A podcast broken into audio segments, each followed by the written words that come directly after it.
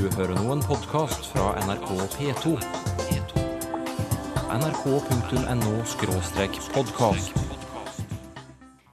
Flertallet av NRK-journalistene mener riksnyheter kan leses på dialekt. I f.eks. Nord-Norge så svarer de at eh, deres eget talemål ligger så langt ifra både bokmål og nynorsk at det ikke føles naturlig å bruke det. Og lytterne er enige. publikum i dag er enda mer positive til dialektbruk i rikssendinger enn de var i en tilsvarende undersøkelse i 2009. Så dialekter takler vi. Men hvordan er det med forståelsen for nordiske språk? det står dårligere til enn det gjorde for 30 år siden. Heldigvis, noen ildsjeler prøver å snu trenden. Se på det ordet her, Sylfest Lomheim. Hva syns du? Hvis jeg skal være ærlig, enn, og det bør jo, så stusser jeg veldig over at en annonsør bruker et slikt ord. Hvorfor det? Fordi at jeg skulle ta mye feil om det er mer enn nokre få promille av de som bor i dette landet som i det hele tatt har peiling på ordet. Mulig det, men før denne sendingen er over, vil noen flere ha hørt om det. Da NRK fikk nye språkregler i 2007, ble det åpnet for mer dialektbruk i sendingene våre, både lokalt og i rikssendinger. Det som vakte størst oppsikt, var at nå ble det mulig å søke dispensasjon for å bruke dialekt i riksdekkende nyhetssendinger og annonseringer. Hovedregelen er jo at vi skal bruke standard talemål i slike sammenhenger. Den første medarbeideren som ba om dispensasjon, det var Ingrid Stenvold. Jeg gjør det fordi at jeg skal, har et budskap, det skal jeg formidle. Og det å kunne være mest mulig naturlig, være mest mulig seg sjøl, også i en intervjusituasjon. Det er klart at å stå og tenke seg om da, og hvordan normerer jeg nå, når jeg har en dialekt som ligger, ligger så langt ifra nynorsk og bokmål, det er nesten utopisk. Så langt NRK-journalist Ingrid Stenvold. Siri Sølberg Heli, du har tatt mastergraden din ved Universitetet i Oslo, og i denne mastergraden undersøker du nettopp hvilke holdninger NRK-ansatte har til bruk av standardspråk og dialekt. Du har spurt i underkant av 100 NRK-medarbeidere. Er alle enige i den oppmykningen av språkreglene som kom i 2007? Nei. Det er vel litt av bakgrunnen for at jeg har eh, valgt å skrive den masteroppgaven om akkurat det emnet, at uh, her hersker det en uh, viss uenighet. Hva er det som skaper størst uenighet? Det er det her skillet med dialekt og standardspråk. Uh, det toppa seg jo, kan vi kanskje si, når Ingrid Stenvold da um, søkte og fikk den dispensasjonen. Da ble det jo tydelig at de nye språkreglene markerte et skille mellom det som har vært og det som nå kom til å være. Altså at man kunne bruke mer dialekt. Og det er jo da de som ønsker en fortsatt bruk av standardspråk, altså et talt bokmål eller et talt nynorsk, og de som da ønsker at man kan bruke sitt eget personlige talemål. Og det er jo her liksom stridens kjerne ligger, da. Ja, du har bl.a. spurt informantene dine om hvilket språk de synes nyhetsopplesere og annonsører bør bruke. Hva svarer de? Ja, de, er, de er delt. Jeg har jo undersøkt om det er noe skiller rundt om i landet. Og jeg ser jo det at i f.eks. Nord-Norge så svarer de at de vil bruke mest mulig dialekt. Nå er det jo spesielt nyhetsopplesere som du sier, og programannonsører har spurt, fordi at det her reglene er strengest. Det, her man, det står i språkreglene at man skal bruke et standardisert språk. Mens som sagt, i nord så er man veldig åpen for bruk av dialekt. Mens man i sør er veldig restriktiv. Ja, For å ta nordlendingene først, da. Hvorfor synes de at man bør få kunne bruke dialekt når man presenterer nyheter eller annonserer? De fleste sier at det går på, på at deres eget talemål ligger så langt ifra både bokmål og nynorsk at det ikke føles naturlig å bruke det. Det blir Du må liksom nesten så du må snakke ut fra et manus, fordi at det, det er ikke det her språket som kommer naturlig til dem. Det blir ikke de blir ikke til stede på samme måte. Men de andre som var positive til dialektbruk i nyhetsprogrammet i riksdekkende sendinger, hvilke andre argumenter hadde de for at eh, man skulle kunne bruke dialekt? Ja, det var jo mye som gikk på det samme som det som kom fra Nord-Norge. Men eh, jeg ser jo også at eh, det er et poeng at man skal speile mangfoldet i Norge. Det sier jo også da språkreglene. Og det er det en del som henger seg på, og som anføres som en begrunnelse. Hvor i eh, NRK-riket er den største motstanden da mot eh, bruk av dialekter i, i nyhetsopplesning og annonsering? Det er spesielt på Vestlandet og på Sørlandet. Hvordan forklarer du det? Eh, Vestlandet, der tror jeg det henger sammen med en forkjærlighet for nynorsken og en redsel for at den forsvinner.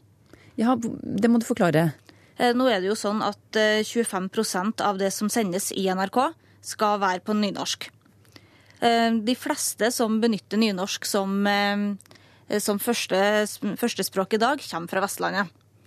Eh, hvis man da åpner for mer bruk av dialekt, så frykter en del fra Vestlandet at de som i dag bruker nynorsken, vil da bruke sitt eget talemål i stedet, sin egen vestlandske dialekt. Og dermed så vil da nynorsken lide under det. Mm. Så det er vel en frykt for at nynorsken forsvinner som, eh, som målform, antageligvis. Men eh, blant motstanderne er det jo sikkert en del også som ikke er nynorsktalende. Og hvorfor mener de at eh, standard talemål er den beste måten å presentere nyheter på, da? De fleste sier at det her går på forståelse. De vil ha et nøytralt språk som ikke, ikke inneholder noe språkstøy, et ord som går igjen.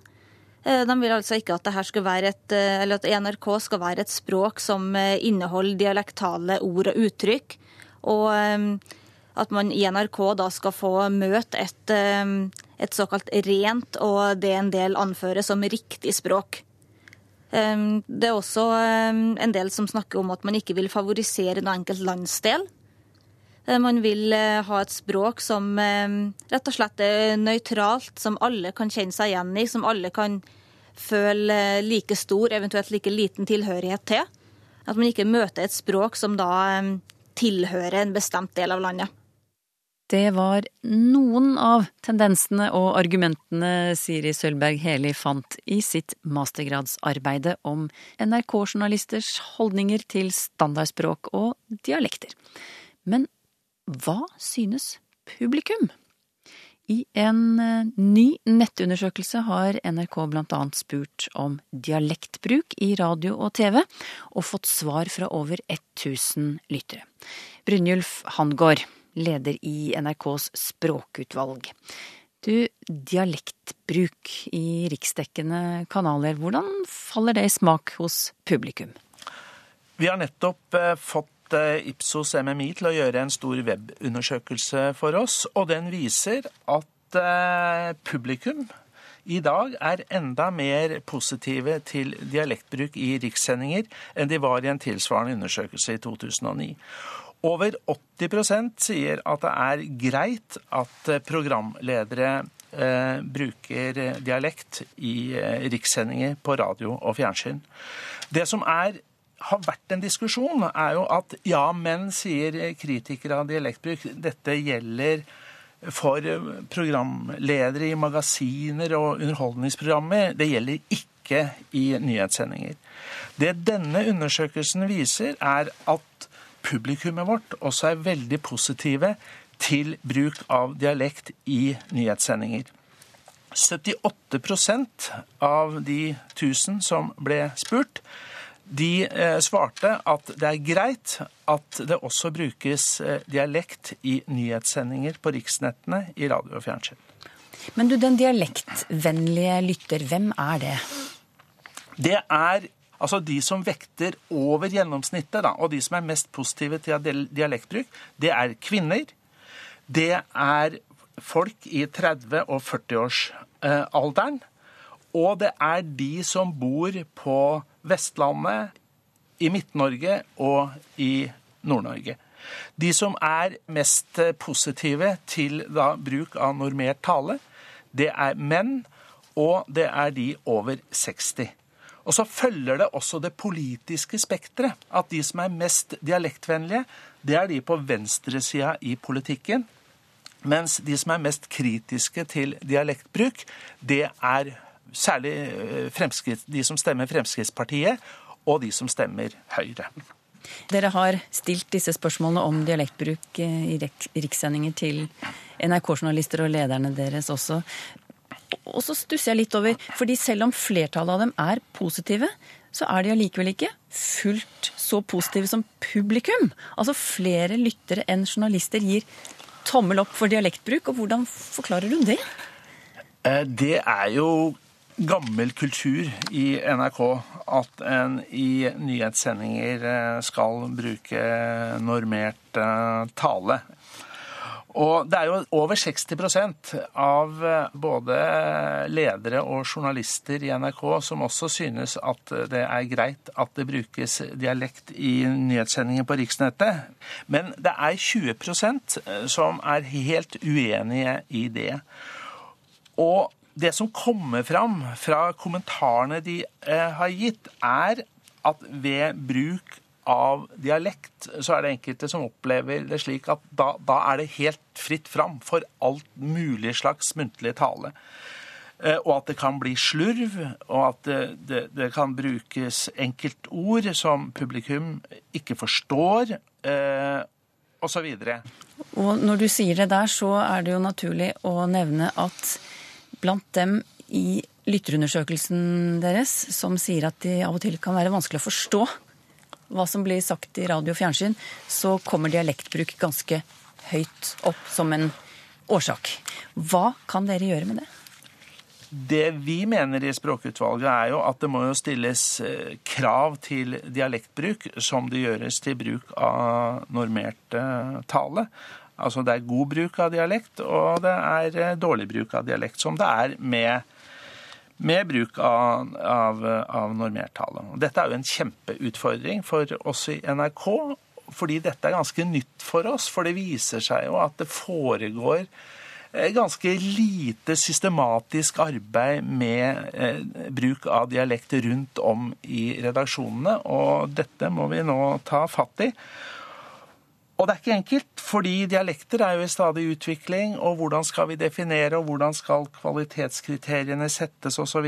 Men det er viktig å unngå bruk av vanskelige ord, at dialektbruken er eh, noenlunde konsekvent, og at det aller, aller viktigste er jo at den skal være forståelig og tydelig for, eh, for publikum. Tydelighet er det viktigste. Forståelig tale også hos dialektbrukere, det er en av utfordringene Brynjulf Hangård og resten av språkutvalget står overfor. De har nemlig fått i oppdrag å foreslå hvordan NRK kan fornye og forbedre det interne språkarbeidet sitt. Hvor godt forstår du dansk og svensk? Vi i Norden er ikke like fortrolige med nabospråkene som vi kanskje skulle ønske. En skandinavisk medieundersøkelse viste nylig at over halvparten av danskene og svenskene har problemer med å forstå hverandre, og rundt halvparten av nordmennene synes det er vanskelig å forstå dansk. Men det finnes noen som arbeider iherdig for å bedre språkforståelsen i Norden.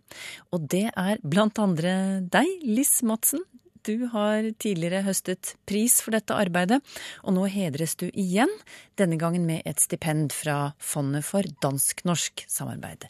Gratulerer. Takk for det. Et par ord om deg først. Du er utdanningsleder ved en av Danmarks lærerhøyskoler, og du er også prosjektleder for det som heter Nordiske språkpiloter som arbeider for å fornye nabospråksundervisningen i grunnskolene i Norden.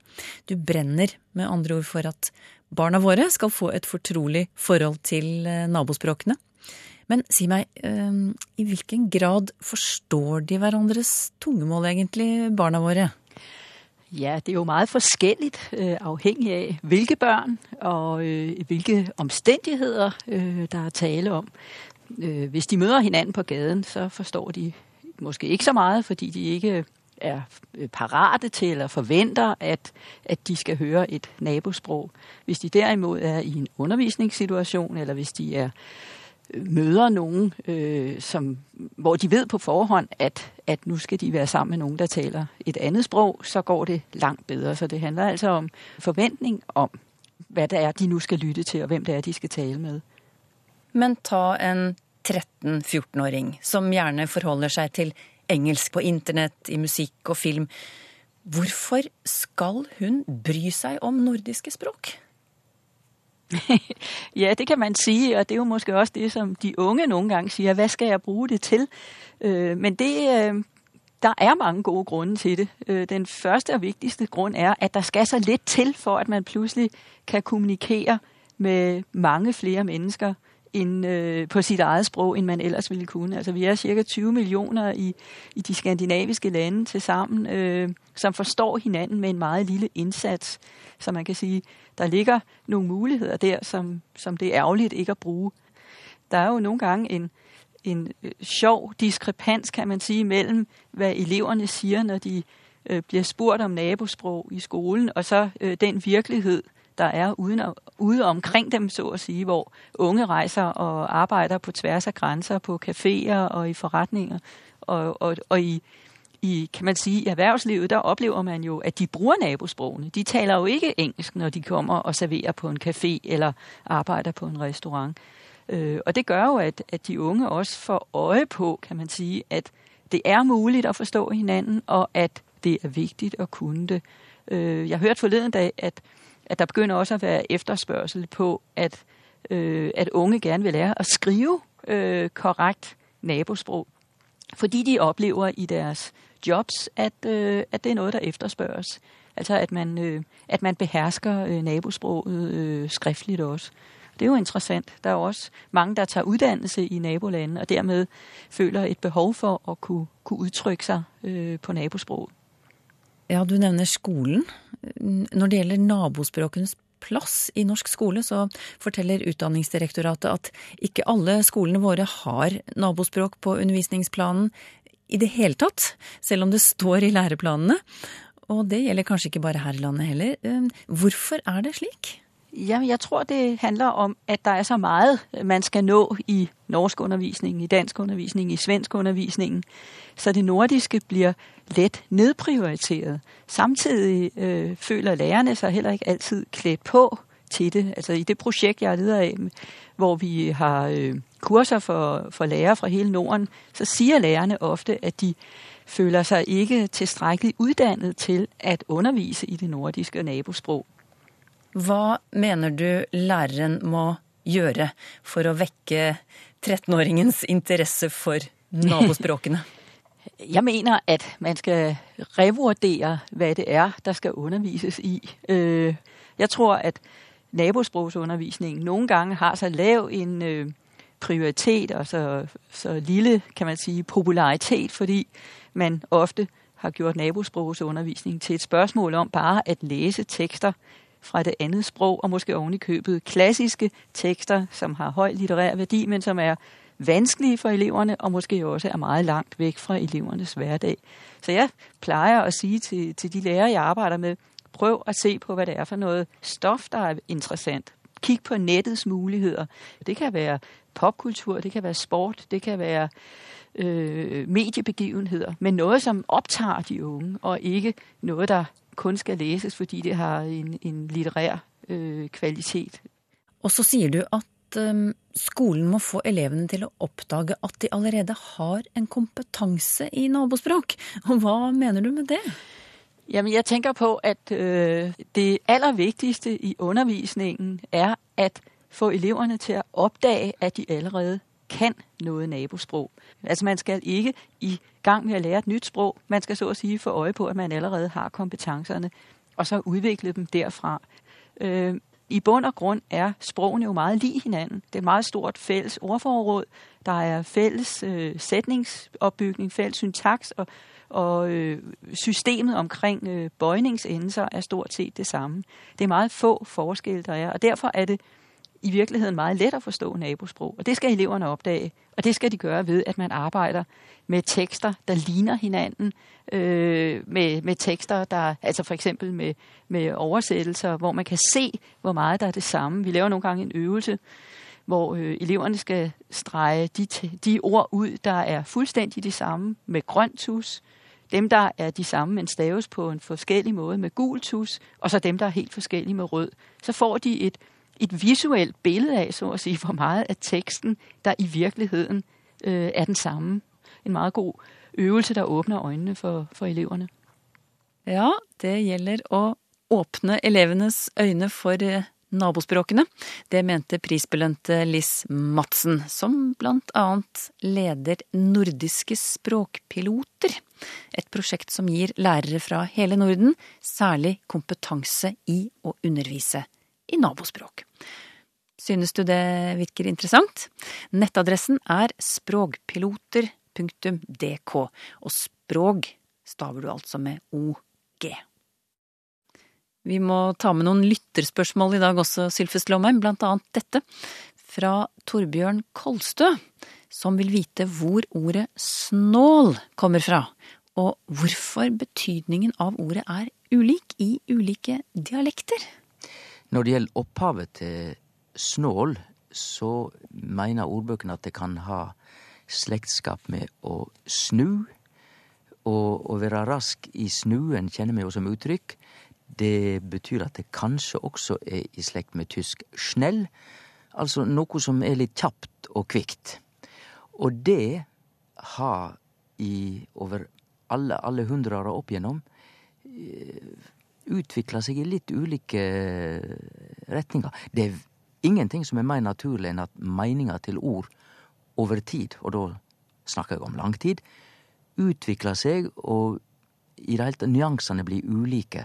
Men i dette tilfellet så har meningsutviklinga blitt såpass tydelig og nesten dramatisk at den ene greina i utviklinga går i det negative, altså snål betyr for mange merkelig, morosam, men da morosam ikke uten videre som positivt, men merkelig og snodig. Det er den ene retninga. Den andre retninga er heilt eintydig positiv i nokre norske dialekter. Framifrå eller sprek eller velskapt eller ja, bare pluss, pluss. Så dette ordet kan i norske dialekter både ha en negativ bruk og en positiv bruk. Eiliv Brenna kom over det nynorske ordet syknedag i en annonse. Og han sier han forstår at det betyr hverdag, men går det an å si noe om opphavet til ordet, Sylfest? Ja, det gjør jo det, for eh, de mener at dette første leddet, syknedag Sykn er fra gammelnorsk, og der tydde dette ordet skuldlaus eller saklaus eller noe sånt. Og det har jo da etter hvert fått meninga. En syknedag har blitt til en hverdag. Men hvis jeg skal være ærlig enn, og det bør jo, om språkbruken her, så stusser jeg veldig over at en annonsør bruker et slikt ord i 2012, fordi at jeg skulle ta mykje feil om det er mer enn nokre få promille av de som bor i dette landet, som i det hele tatt har peiling på ordet. Sjøl om det står i ordbøkene. Det er altså ikke i bruk. Iallfall, det er veldig få som kjenner og bruker det. Jeg hadde råd til å bruke rett og slett hver dag i nynorsk, jeg, og ikke syknedag. Sigurd Siem lurer på hvor det norske ordet for sjef, nemlig bas, kommer fra. Eh, og så lurer han på om det har tilknytning til det engelske ordet boss. Og det tror jeg absolutt. Fordi eh, det norske ordet bas, vi kjenner det jo ifra rallarhistoria, eh, og i det hele tatt, det er helt klart det er et ord for den som er leieren. Han er basen i gruppa, ikke sant? Vi har det fra nederlandsk. Det det rett og slett betyr. Leieren eller sjefen, eller til og med faren. Den som er overordna. Og når vi veit at veldig mange mennesker drog fra Nederland til USA Det første navnet på New York var jo ikke New York, men Ny Amsterdam. Så er det lett å forstå at The Boss på amerikansk, eh, og basen på nederlandsk, det må være samme ord. I neste sending blir det blant annet gjenhør med skoleklassen som spiller Wordfeud. Du kan skrive W-en, og så tar du R-en over Sånn som det? Ja. Gøy med Wordfeud i norsktimen. Språkteigen om én uke.